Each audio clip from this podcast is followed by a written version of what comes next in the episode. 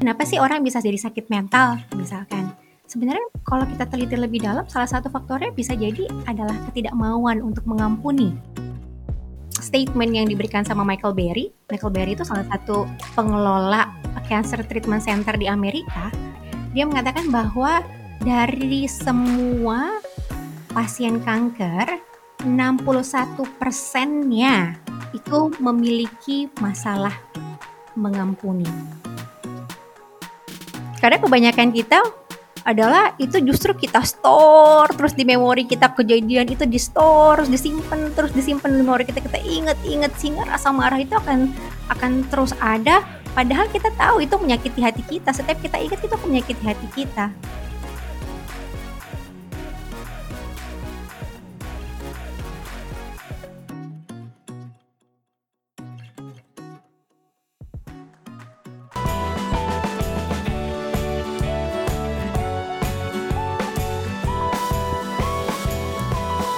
Hai, gue Willy Yonas. Selamat datang di podcast Sehat Seutuhnya.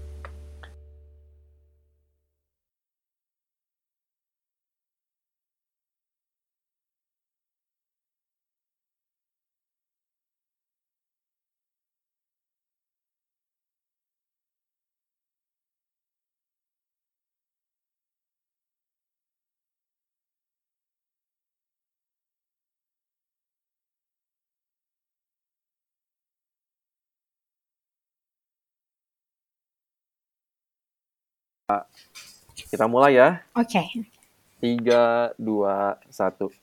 Halo semuanya, selamat datang lagi di podcast Sehat Seutuhnya bersama saya Will Yonas. Sebelum kita memulai podcast episode kali ini, saya mau berterima kasih kepada teman-teman yang selalu setia mendengarkan podcast Sehat Seutuhnya. Dan kita juga sebenarnya pengen banget dengar feedback dari teman-teman pendengar sekalian juga. Sudah ada cukup banyak juga yang suka eh, kirim message kepada kami di Instagram kami dan kami jujur sangat mengapresiasi itu komen-komen yang sangat menyemangati saya sendiri juga terus untuk bikin konten-konten yang uh, berguna khususnya tentang kesehatan buat teman-teman yang lagi ngedengerin podcast sehat seutuhnya. Jadi kalau teman-teman juga punya saran atau komentar atau pertanyaan, boleh hubungi kami di Instagram di @setuhnya atau boleh kirimkan melalui email ke email kami di sehatseutuhnya@gmail.com. Gak kerasa banget, sudah hampir satu tahun podcast Sehat Seutuhnya ini ada di Spotify, di Apple Podcast, di mana pun teman-teman ngedengerin podcast. Dan semoga kita akan terus lanjut dan mengupas topik-topik kesehatan yang akan sangat dapat merubah hidup kita. Dan episode kali ini kita bakal ngomongin salah satu topik yang sangat menarik kalau menurut saya. Salah satu topik yang menurut saya sering juga overlooked atau sering dilupakan. Topik itu adalah hubungan mengampuni dan kesehatan. Nah, mungkin teman-teman yang lagi dengar podcast ini bertanya juga gitu, masa sih mengampuni itu ngefek sama kesehatan kita gitu. Nah, hari ini kita saya udah punya bintang tamu yang saya undang. Beliau adalah dosen di di Fakultas Psikologi di salah satu universitas di Jakarta. Beliau juga adalah konselor di Smile Center Ya, Smile Center ini adalah salah satu uh, non-profit organization di Jakarta di mana mereka melakukan mental health counseling dan juga selalu membuat seminar kesehatan mental setiap dua minggu sekali. Nah, bintang tamu kita juga ternyata bukan hanya bergerak di dalam kesehatan mental, tapi pendidikan juga, karena beliau juga adalah salah satu founder dari homeschooling community. Ya, cukup menarik, menarik banget, dan juga adalah seorang ibu dari dua anak. Dan kita nggak sabar lagi, saya nggak sabar lagi untuk membahas topik hubungan mengampuni dengan kesehatan. Jadi saya mau undang Kak Suneta Joyce. Halo Kak. Hai Willy, apa kabar? Baik, baik. Kakak sendiri gimana nih? Baik, sehat dan bahagia. Wah, harus dong ya. Apalagi dosen fakultas psikologi. Harus bahagia ya. harus itu. Gimana tuh sekarang eh, lagi ngedosen dan online kali ya? sekarang jadi online semester dari sejak semester di bulan semester kemarin inilah semester ganjil udah mulai online deh. Wow, oke. Jadi kayaknya tiap hari ini di ngelihat screen terus juga ya? Ya, begitu deh. itu ngaruh juga nggak tuh ke kesehatan mental? Mulai screen terus ya. Uh, untungnya memang saya ngaturnya hanya ngajar uh, dua kali seminggu. Oke. Nah, supaya punya banyak waktu juga untuk anak-anak. Karena kan anak-anak homeschooling, jadi maminya juga harus jadi guru di rumah without Hmm, screen. bener. Mm-mm. Present juga ya. Uh-uh. Betul, betul, betul. Eh itu mungkin salah satu topik juga aku baru kepikiran pengen undang Kak Suneta mungkin ngomongin sosial media dengan kesehatan mental. Eh, menarik banget. Oh, boleh, boleh. Menarik. Nah, tapi hari ini kita bakal ngomongin nih soal mengampuni dengan kesehatan. Hmm. Nah, kalau yang aku lihat, eh, aku sempat search juga di PubMed di eh, library online eh, soal research yang dibikin sama Amerika. Mhm. Kalau misalnya aku search kata forgiveness gitu sama eh, di eh, library research ini gitu, yang muncul itu cuman sekitar 1.400-an jurnal di seluruh dunia yang Mhm. udah ada eh, ngomongin atau pernah meneliti soal forgiveness. Sedangkan kalau misalnya aku bandingin sama topik kayak obesitas, obesity gitu, itu tuh sampai 300 ribuan Hmm. penelitian yang udah ada gitu. Ya. Dan eh, apakah Kak Suneta itu setuju kira-kira bahwa topik soal hubungan antara mengampuni dan kesehatan itu salah satu topik yang masih cukup jarang dilihat? Iya, betul, setuju ya. Karena memang uh, jangankan bicara tentang mengampuni gitu ya, salah satu tindakan emosional ya. Bicara hubungan antara mental health dengan physical health aja sebenarnya masih belum terlalu banyak. Walaupun memang sejak COVID-COVID ini sudah mulai nih menjadi tren topik. Orang-orang sudah Hmm. mulai mengkonek mengkonek keduanya karena nyatanya kalau kita lihat ya orang-orang kalau uh, dari bahkan WHO sekalipun menyarankannya kebanyakan adalah untuk menjaga supaya uh, tidak terkena uh, virus COVID adalah salah satunya ya di antara begitu banyak hal Mhm. fisik yang dilakukan salah satunya adalah menjaga kesehatan mental, jangan khawatir, jangan takut, tetap bahagia gitu ya. Sehingga kita mulai bisa melihat gitu ternyata yes, keduanya ini ternyata punya hubungan yang erat sekali antara kesehatan fisik dan kesehatan mental gitu ya. Dan kalau Hmm. kita pergi lebih dalam lagi, wah, ada banyak faktor emosi yang juga ternyata berhubungan dengan kesehatan fisik maupun kesehatan mental. Salah satunya mengampuni. Hmm. Ini ini menarik banget nih, makanya kita pengen angkat karena sebenarnya cukup jarang untuk dibahas dan pengen raise awareness. Hmm. Eh, ternyata ada hubungannya ya antara mengampuni dengan kesehatan kita. Nah, pengen tanya nih kalau misalnya kayak eh, pas eh, Kak Suneta juga dulu kuliah psikologi, Hmm. udah gitu juga sekarang eh, ngajar gitu, ngedosen kan psikologi ini. Mm-mm. Em, ada nggak sih kelas atau di kelas apa pun, subjek apa pun eh, yang berhubungan dengan atau dibahas nggak sih topik soal mengampuni ini dengan kesehatan kita gitu?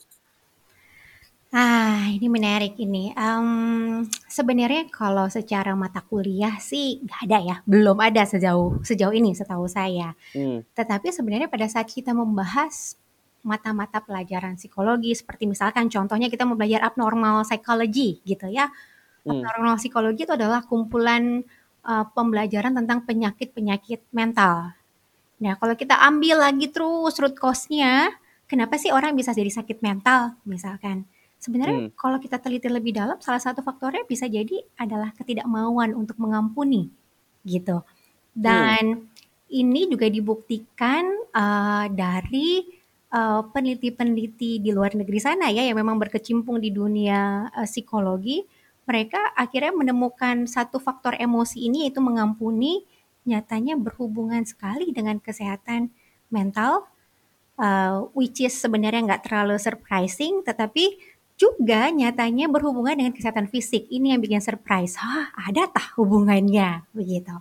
Dan Hmm. ya, dan bahkan ini sudah menjadi satu walaupun belum terlalu banyak, tetapi sudah dijadikan satu terapi, salah satu bentuk terapi uh, untuk orang-orang yang mengalami sakit tertentu di rumah sakit maupun di klinik di Amerika. Wow. Ya. Berarti emang di Amerika orang udah mulai aware-nya lebih udah lebih banyak lah ya aware soal forgiveness ini hubungannya dengan kesehatan ya. Ya, ya, ya. Karena banyak penelitian memang dari sana sih ya. Dari kita nih masih kurang Hmm. banget nih penelitian-penelitian. Wow, ini mungkin nih bisa salah satu project Kasuneta nih sama murid-murid mungkin. Boleh ya? Betul juga nih. ini menarik nih kalau misalnya eh, ternyata mengampuni atau eh, forgiveness ini ada terapinya gitu ya. Yes. Wow, menarik menarik. Kira-kira pengen nanya dulu di gini. Hmm. Terapi, eh mungkin oke itu nanti pertanyaan yang di bagian selanjutnya deh. Oke. Nah, kalau misalnya yang penelitian-penelitian di Amerika yang mereka sudah lihat, eh, kalau kita nggak bisa mengampuni seseorang, itu penyakit-penyakit apa sih yang berkaitan sama itu? Nah, ini ini ini menarik banget. Um, ini salah satu penelitian yang dilakukan oleh uh, John Hopkins Hospital, salah satu rumah sakit uh, yang cukup besar di Amerika. Kemudian juga ada satu psikolog namanya Robert Enright. Nah, ini dia punya penelitian sering banget dijadikan uh, sumber jurnal atau sumber penelitian oleh mahasiswa psikologi yang Hmm. mengangkat topik ini. Yang hasil penelitiannya sangat mengejutkan bahwa ketidakmampuan seorang dalam memaafkan itu bisa mencetus penyakit, oke, depresi, anxiety, dan juga stres. Kalau kita pikir-pikir secara umum, oke, yes, ada hubungannya karena itu semuanya berkutat di mental, eh, dimensi mental gitu ya. Tapi Hmm. juga ada hal yang menarik bahwa dalam penelitian mereka ditemukan bahwa ketidakmampuan dalam mengampuni ini juga terkait dengan penyakit-penyakit fisik seperti kardiovaskular, diabetes, beberapa jenis kanker, dan penyakit-penyakit lainnya yang uh, dipengaruhi oleh uh, sistem imun yang turun, sehingga menyebabkan inflamasi dan akhirnya sakitlah mereka.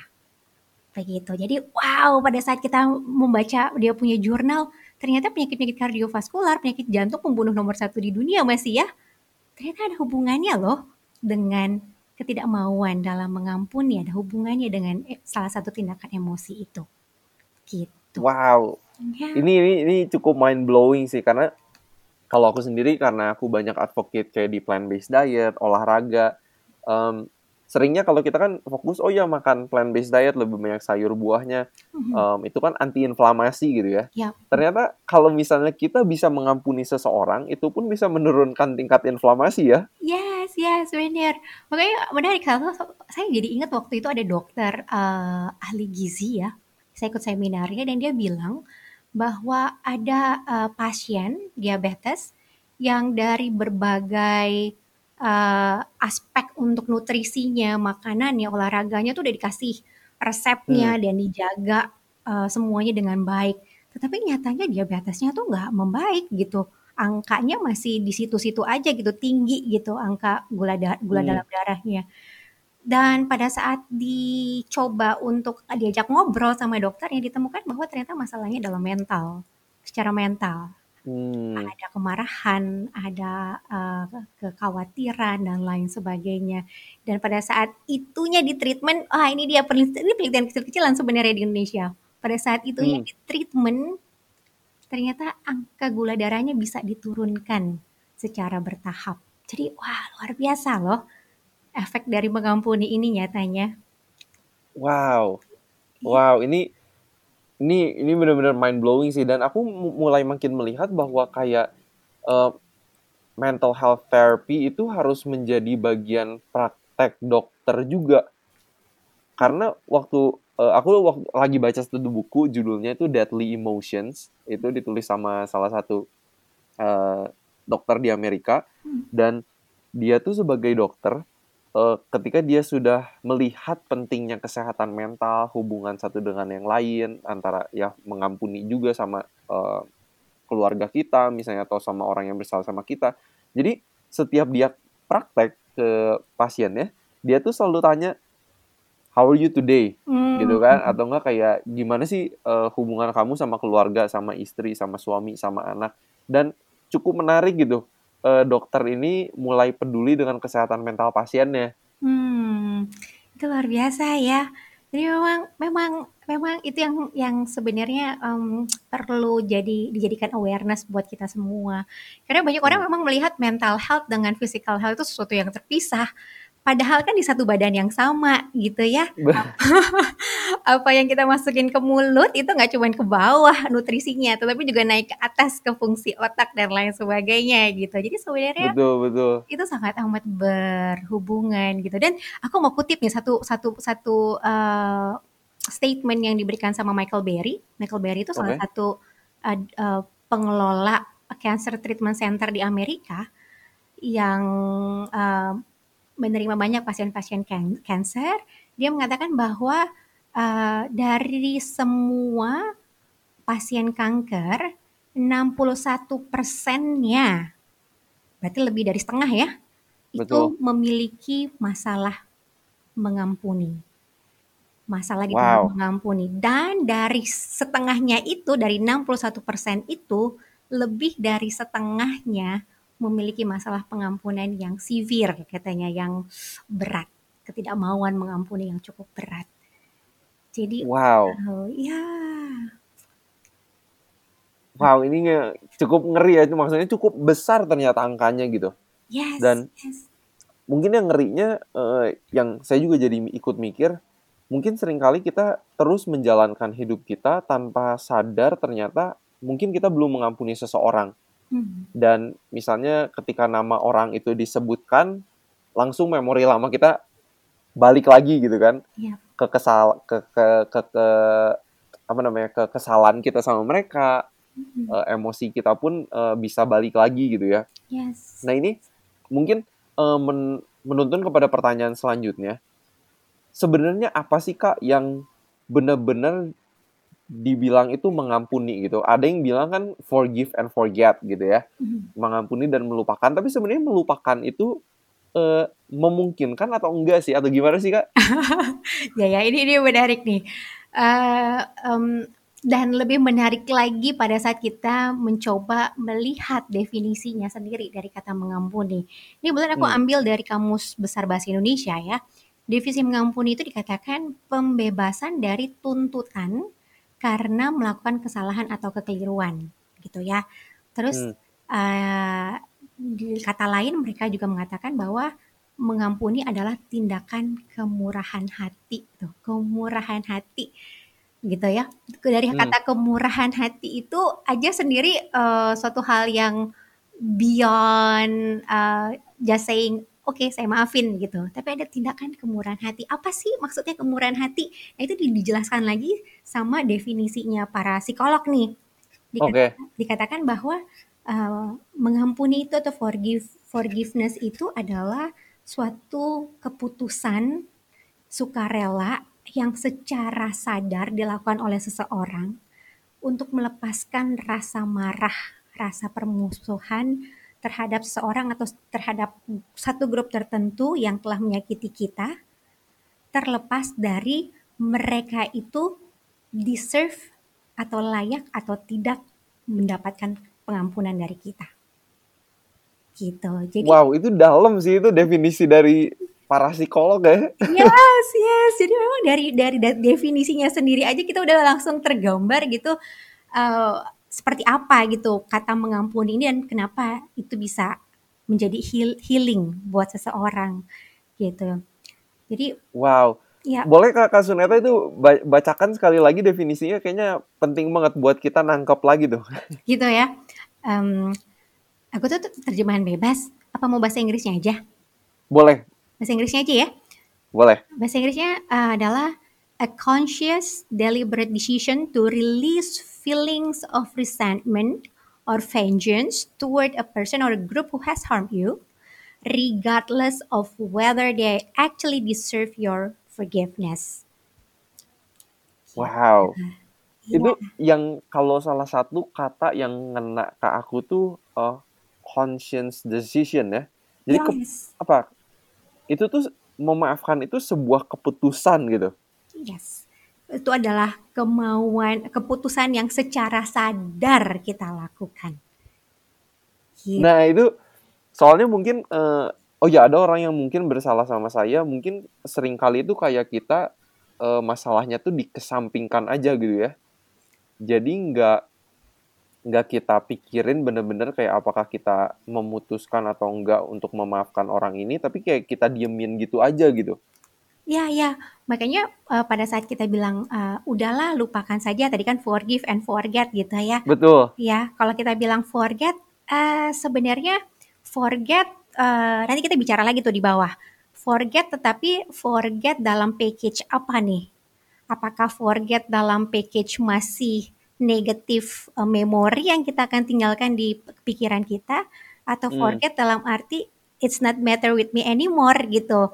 Uh, Ah, I see, I see. Iya, begitu. Jadi karena keputusan kita untuk mau nge-delete memori itu atau mem-packaging memori kita itu lagi itu bukan lagi dalam kondisi yang akan kalau kita ingat membangkitkan amarah kita lagi atau membangkitkan kebencian kita lagi, udah nggak lagi.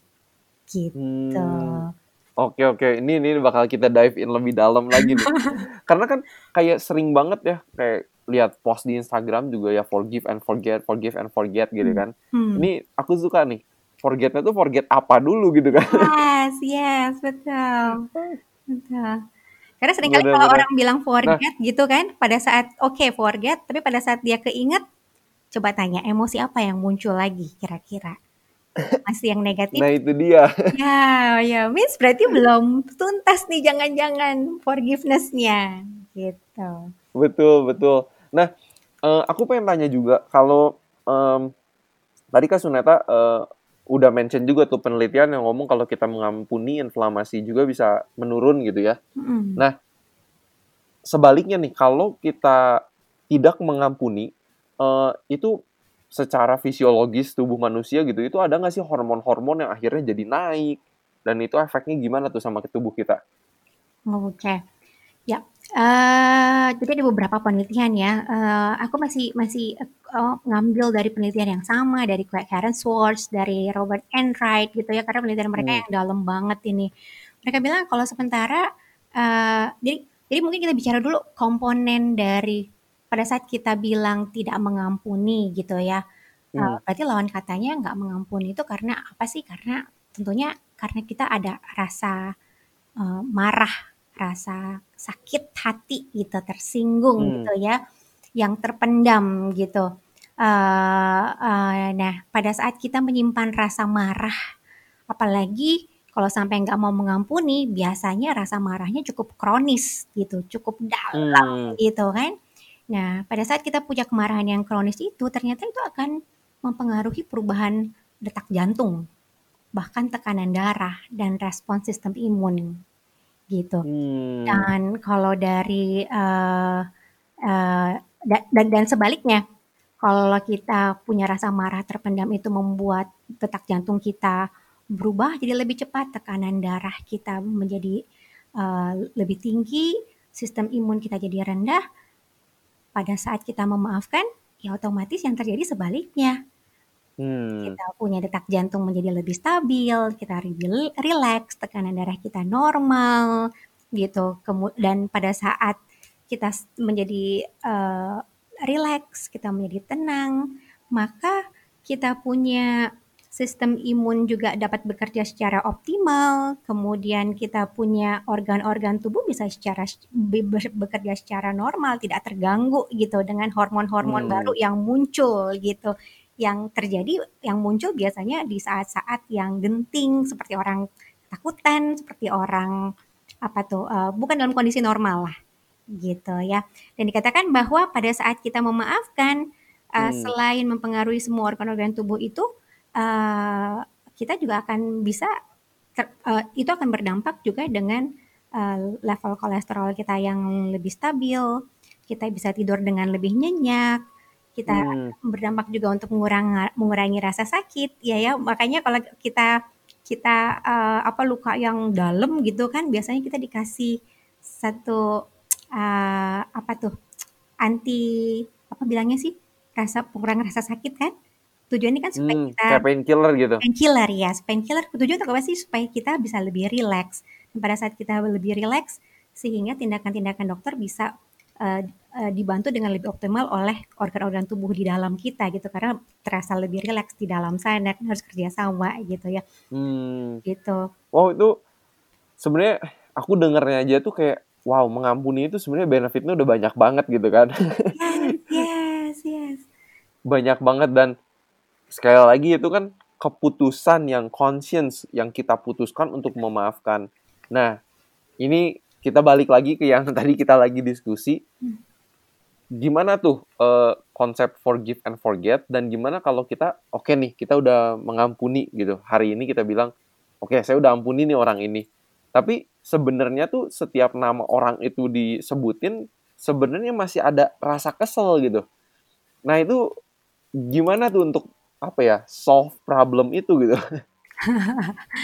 Oke. Okay. Uh, eh, satu kalau kita masih kesel, artinya kita memang belum masuk dalam stage mengampuni. Gitu ya. Hmm. Kita masih mungkin kalau dalam istilah psikologi itu suka bilang repressing. Kita tekan, tekan, tekan gitu, berusaha untuk tekan, tapi sebenarnya itu nggak sehat gitu, karena suatu waktu pada saat perasaan-perasaan negatif ini kita tekan, itu akan meledak gitu seperti bom waktu aja. Jadi kalau hmm. masih kesel, kita evaluasi lagi. Sepertinya memang kita belum benar-benar mengampuni orang tersebut gitu. Jadi apa yang harus dilakukan kalau kita masih ada rasa kesel seperti itu, gitu ya? Hmm. Uh, yang harus dilakukan adalah uh, menyadari bahwa uh, setiap orang bisa melakukan kesalahan, tidak ada hmm. manusia yang sempurna. Dan oleh karena itu, uh, mengampuni sebenarnya adalah bagian dari kehidupan kita sehari-hari gitu. Bukan sesuatu hmm. yang besar untuk dikasih di akhir, enggak. Mengampuni itu adalah uh, hal tadi bilangnya kemurahan hati yang kita menjadi teman kita dalam sehari-hari gitu. Baru yang hmm. baru hal yang kedua adalah uh, ada satu kutipan dari Bernard uh, Meltzer itu dibilang bahwa mengam, pada saat kita mengampuni kita nggak akan bisa merubah masa lalu, tetapi betul. Tetapi kita bisa mengubah masa depan dengan mengampuni kita bisa mengubah masa depan, gitu, ya. Artinya apa wow, nih? itu itu itu powerful sih. Iya, ketika kita memaafkan, memang kita nggak bisa mengubah masa lalu, tapi kita bisa mengubah masa depan gitu. Jadi maksudnya apa? Maksudnya apa ya memang nggak akan bisa terjadi di belakang sana. Tetapi apakah kita mau hmm. terkungkung dengan masa lalu kita atau kita mau mempunyai masa depan yang lebih baik? Itu tergantung dari keputusan kita hari ini. Kita nggak bisa rubah masa lalu, tapi hmm. kita bisa merubah masa depan kita melalui keputusan kita hari ini. Apakah kita hmm. mau memaafkan? Apakah kita mau mengampuni atau tidak? Istilahnya seperti ini. Uh, uh, um, kalau kita ketusuk jarum, apa yang kita lakukan? Langsung ambil kapas. Ambil kapas ya. darahnya. Nah, tapi hal yang pertama adalah pada saat kita ketusuk jarum, pasti kita akan menarik tangan kita menjauhi uh, jarum yang bisa menyakiti kita itu. Betul ya? Hmm. Betul, betul, betul. Betul ya. Nah, pada saat seseorang menyakiti kita, membuat kita marah, itu sebenarnya rasa sakit. Dan kalau kita mau cepat-cepat sembuh, seperti dari jarum itu, ayo cepat-cepat buang, cepat-cepat keluarin, jangan disimpan. Rasa sakit hmm. itu, rasa marah itu, gitu. Karena kebanyakan, karena kebanyakan kita adalah itu justru kita store terus di memori kita kejadian itu di store terus disimpan terus disimpan di memori kita. Kita ingat-ingat sehingga rasa marah itu akan akan terus ada. Padahal kita tahu itu menyakiti hati kita. Setiap kita ingat itu akan menyakiti hati kita. Dan kita harus lawan rasa itu dengan membuat keputusan ini menyakiti lebih-lebih menyakitkan daripada ditusuk jarum. Dan kalau jarum hmm. aja saya mau buang gimana kalau kita buang hal yang menyakitkan ini supaya uh, kita bisa cepat sembuh gitu. Kita bisa lebih lega, hmm. kita bisa lebih tenang gitu. A aku suka banget sih analogi itu. Hmm. Soalnya kayaknya kalau kita yang aku langsung bayangin kalau kita nggak mengampuni kita tuh sebenarnya kayak terus aja taruh jar taruh jari kita tuh di jarum itu gitu Yes, yes, membiarkan diri kita tuh ngerasa sakit terus yes, yes. wah o- oke aku suka banget. Aku aku bakal inget tuh analogi ini nih. Love it love it. Wow bener bener bener. Jadi ini buat teman-teman mungkin uh, lagi ngedengerin podcast kali ini coba juga dicerna podcastnya. Eh, bahkan kalau misalnya mau diulang-ulang bagian yang tadi supaya bener-bener meresap dan bisa langsung kita praktekkan dalam kehidupan em, bagus banget gitu kan apalah artinya kita pun mengerti apa yang disampaikan tapi nggak dipraktekkan gitu ya kak ya Ah, itu dia. Ya, ya. bener bener Ya. bener bener Ya. ada yang mau Dan, ditambahin dan kak satu, ya, dan satu lagi sebenarnya ini ini satu kekuatan sih. Eh, em, kalau kita bicara mengampuni ini memang nggak jauh-jauh dari aspek spiritual ya. Small Center percaya kita punya dimensi Hmm. dalam hidup itu ada empat kan. Aspek fisik, aspek eh, mental, aspek sosial dan juga spiritual. Ini nggak bisa dipisahkan. Bahkan Hmm, kita bersyukur negara kita negara ketuhanan yang Maha Esa ya. Jadi kita percaya gitu betul keberadaan Tuhan di dalam hidup kita. Oleh karena itu dalam aspek mengampuni Hmm, ini kita eh, banyak sekali eh, bisa merefleksi dalam hubungannya di aspek spiritual kita. Salah satunya nih, contohnya nih ya, eh, bagaimana Tuhan hmm, yang Maha Pencipta itu terus menyinarkan matahari setiap hari, terlepas apakah kemarin kita menyakiti hati dia atau enggak, gitu ya. Dan matahari hmm, itu juga nggak dikekep sama Tuhan hanya untuk orang-orang yang udah berbuat baik sama dia, yang mau menurut sama dia, orang-orang yang membalas ke kasihnya, kebaikannya Tuhan itu dengan membalasnya dengan kebaikan lagi. Enggak. Sementara untuk yang orang-orang yang jahat, orang-orang yang nggak melakukan hal-hal yang baik, eh, mataharinya nggak disinarin di sebelah sana. Enggak toh. hmm, Tuhan tetap menyinarkan betul matahari ya, matahari ke orang yang baik maupun orang yang jahat. Dan coba hitung-hitung, ada nggak dalam satu hari kita melakukan sesuatu yang kita tahu itu menyakiti hati Tuhan. Tapi coba lihat di esok harinya, dia masih menyinarkan matahari buat kita. Dia masih kasih nafas hmm, kehidupan sama kita. Pengampunan yang luar biasa itu, uh, pengampunan yang datang dari Tuhan itu, itu adalah satu contoh terbaik buat kita. Kalau saja kita bertubi-tubi menyakiti hati Tuhan dan dia masih mau mengampuni kita, memberikan kita kesempatan. Mari belajar, hmm. mari menjadi seperti pencipta kita yang mau mengampuni orang-orang yang telah menyakiti kita. Terlepas apakah orang itu layak atau tidak. wow oke itu itu itu deep thought ya untuk podcast kali ini. Coba pikir-pikir juga renungkan ya. Itu itu powerful sih. Dan aku setuju banget karena eh, aku sendiri kayak pilih nama sehat seutuhnya. Em, percaya banget kalau kita tuh cuman nggak bisa merhatiin kesehatan fisik saja eh, kesehatan mental saja tapi benar-benar harus holistik harus semua aspek. Karena kesehatan spiritual pun sekarang mulai makin disadari Hmm. em, sebagai salah satu aspek dari manusia gitu kan ya. Ya, ya, wow menarik banget setuju. nah eh, ini me- menuntun aku ke pertanyaan selanjutnya juga nih kak Hmm. Eh, kalau dari yang eh, Kak Suneta lihat dan sudah pelajari pastinya biasanya kesalahan-kesalahan apa sih yang buat seseorang tuh sering kali susah banget untuk mengampuni gitu. Apakah misalnya kayak verbal abuse atau physical abuse atau sexual abuse atau biasanya seperti apa sih eh, yang paling susah diampuni? Oke, eh, apa yang paling susah? Eh, s- eh, saya percaya dan eh, bahwa setiap orang kita unik gitu. Setiap orang, Hmm, setiap pribadi per pribadi itu eh, punya eh, karakter yang berbeda-beda, punya daya tahan yang berbeda-beda, gitu ya, punya pengalaman yang berbeda-beda. Oleh karena itu, eh, cara kita eh, coping sama satu situasi yang sama sekalipun, kemungkinan besar responnya akan berbeda-beda. Jadi kalau dibilang event apa yang paling sulit untuk dimaafkan, em, kita nggak bisa sebut satu atau dua event tertentu karena setiap hmm, orang punya respon yang berbeda. Misalkan sama-sama eh, menghadapi physical abuse atau verbal abuse, yang satu karena dia punya resiliensi, daya tahannya cukup baik gitu secara Hmm. mental, dia akan uh, bisa lebih kuat, bisa lebih survive gitu. Tetapi buat orang-orang yang resiliensinya mungkin agak rendah, uh, bahkan kita senggol sedikit pun itu bisa membuat dia mengurung diri di kamar berhari-hari misalkan. Hmm. Jadi memang berbeda-beda.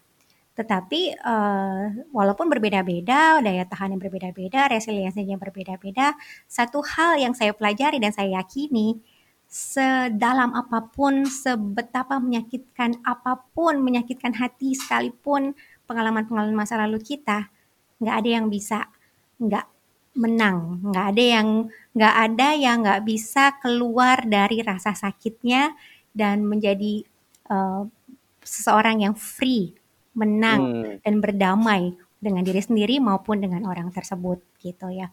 Dan Hmm. dan dan ini menarik teman-teman di di uh, podcast ini bisa coba uh, lihat banyak sekali cerita-cerita nyata loh, kasus-kasus nyata di masa-masa lalu uh, di mana orang-orang yang punya mengalami yang mengalami satu peristiwa kehidupan yang wow gitu ya. Salah satunya kalau pernah dengar Eva Kor di zaman Nazi dulu yang dia disiksa sengaja disuntikkan berbagai obat-obatan uh, hanya semata-mata untuk menjadi uh, kelinci percobaan untuk melihat reaksinya seperti apa selama bertahun-tahun.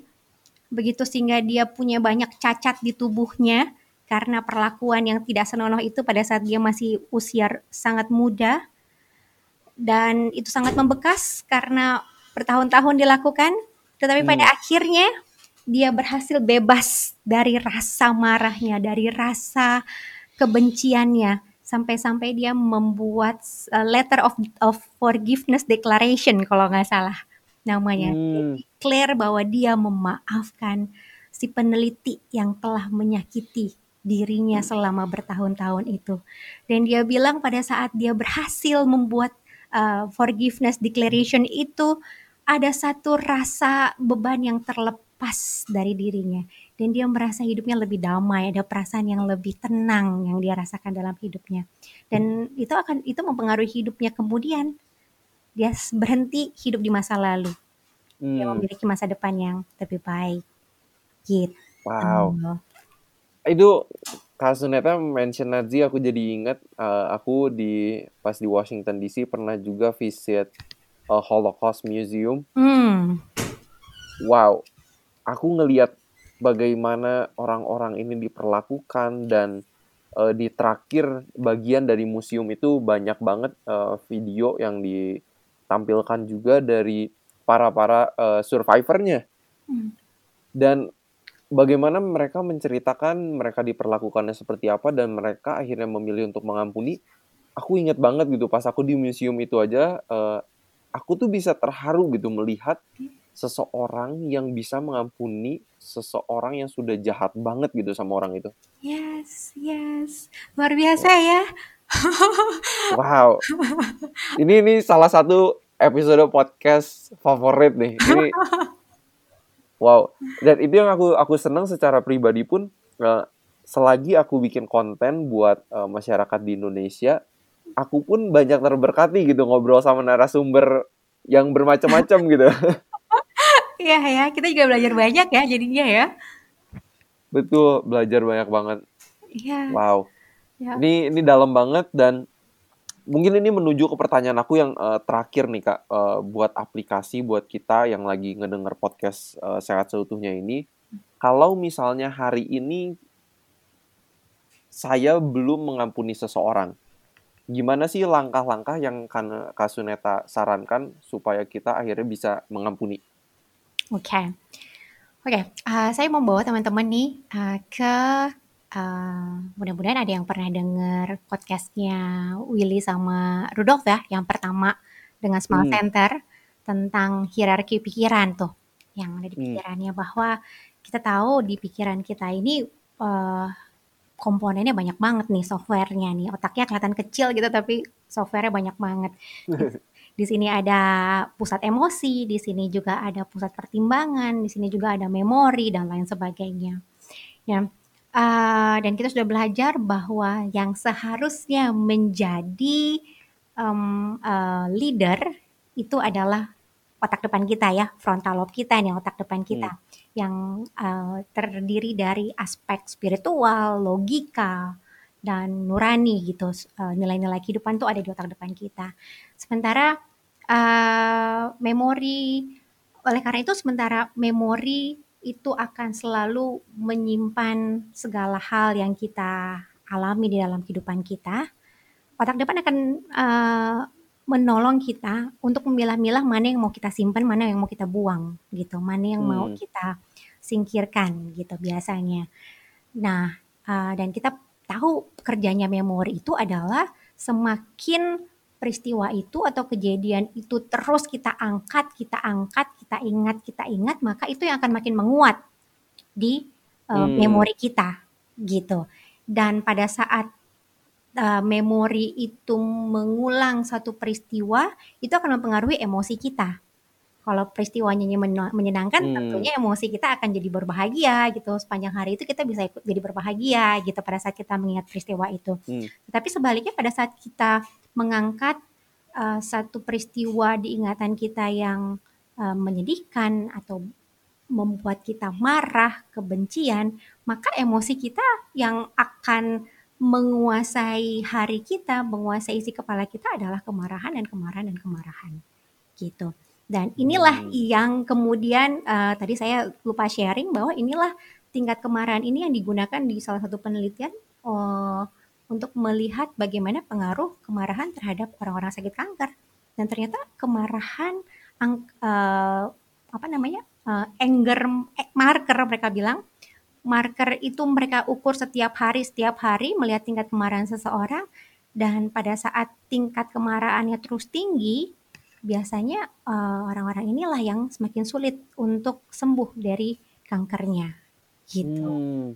ya uh, tetapi uh, pada saat uh, seseorang itu bisa merilis dia punya kemarahan maka semua tekanan darah tadi ya, semua Hmm. uh, hormon-hormon menjadi lebih balance, kita rileks normal dan itu yang menolong percepatan kesembuhan.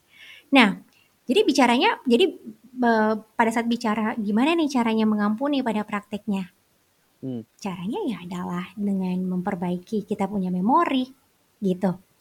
Bagaimana caranya?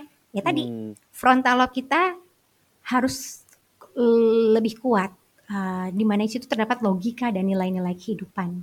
Pada saat Hmm. seorang kita mengalami peristiwa di mana orang menyakiti kita, mari kita bawa ke uh, otak depan kita, ke logika kita. Hmm. Apakah kita mau uh, mau menyimpan peristiwa itu ke dalam pikiran kita dan kita tahu itu akan mempengaruhi emosi kita dan kemudian kita tahu itu akan mempengaruhi uh, kesehatan kita atau secara sadar Hmm. kita mau memilih untuk merepackage peristiwa itu menjadi sesuatu hal yang lebih positif sehingga Hmm. itu mempengaruhi emosi kita menjadi lebih tenang dan lebih damai dan kondisi kesehatan kita menjadi lebih baik gitu ya. Contohnya misalkan eh dan eh, contohnya adalah orang-orang yang mengalami misalkan abuse di masa lalunya. Hmm. Lagi-lagi kita bisa memilih secara sadar. Makanya tadi definisi definisinya dikatakan ini harus secara sadar, pilihan secara sadar gitu. Kita tahu itu itu menyakitkan. Itu adalah peristiwa yang menyakitkan. Tapi justru karena itu begitu menyakitkan, kita nggak mau itu simpan lama-lama. Hmm. Kita kita kita tahu bahwa itu akan membuat hidup kita uh, semakin terpuruk pada saat kita terus menyimpan itu dalam memori kita, menyimpan kemarahan kita, sementara kita punya kesempatan lain di mana kita merubah kehidupan kita menjadi lebih baik, memiliki masa depan yang lebih baik. Kenapa kita nggak pilih itu? Hmm. Dan yang berikutnya adalah uh, tadi um, kita coba bawa ke spiritual aspek bahwa Hmm. uh, pencipta kita adalah seseorang yang mampu untuk memberikan pengampunan kepada orang-orang yang gak layak Hmm. untuk diampuni. Dan dia mau kita juga belajar melakukan hal yang sama. Karena justru orang-orang yang mampu melakukan pengampunan kepada orang-orang yang uh, tidak layak. Itu adalah orang-orang yang uh, seperti pahlawan yang mengalahkan kota. Seorang yang um, mempunyai kalau di uh, ada satu penelitian Neil Netley bilang dia punya emotional intelligence level itu hmm. tinggi dan tidak semua orang yang punya punya emotional intelligence yang tinggi gitu. Hmm. Dan kita mau memiliki itu semua karena itulah yang akan uh, membuat kita menjadi orang-orang yang lebih sehat secara fisik, lebih sehat secara mental, dan menjadi orang-orang yang lebih manfaat dalam kehidupan sosial kita. Wow, ini powerful powerful podcast episode. Um, senang banget uh, bisa ngomongin hubungan mengampuni dengan kesehatan Terima kasih banyak Kak Suneta Joy yang sudah membagikan sangat-sangat uh, knowledge yang saya pikir benar-benar kalau kita terapkan dalam kehidupan kita bakal merubah kehidupan kita semua gitu. Ya. ya. Wow. Ini jangan kapok-kapok kalau misalnya diundang lagi ke podcast Sehat Seutuhnya. Gak apa-apa ya? Aku malah seneng banget nih. Willy juga terima kasih banyak teman-teman podcast yang lainnya. Mudah-mudahan uh, kita sama-sama belajar ya. Semangat ya. Kita belajar menerapkan apa yang kita pelajari malam ini. Benar, benar. Dan jadi semoga teman-teman terberkati, boleh didengerin beberapa kali juga podcastnya. Dan bagikan ke teman-teman yang lain, ke keluarga yang lain, kalau kalian juga tahu ada yang lagi struggling, ada yang lagi bergumul dengan topik ini, uh, bagikan semoga ini bisa menjadi berkat. Dan sampai nanti, harapan saya seperti biasa, semoga kita sehat seutuhnya.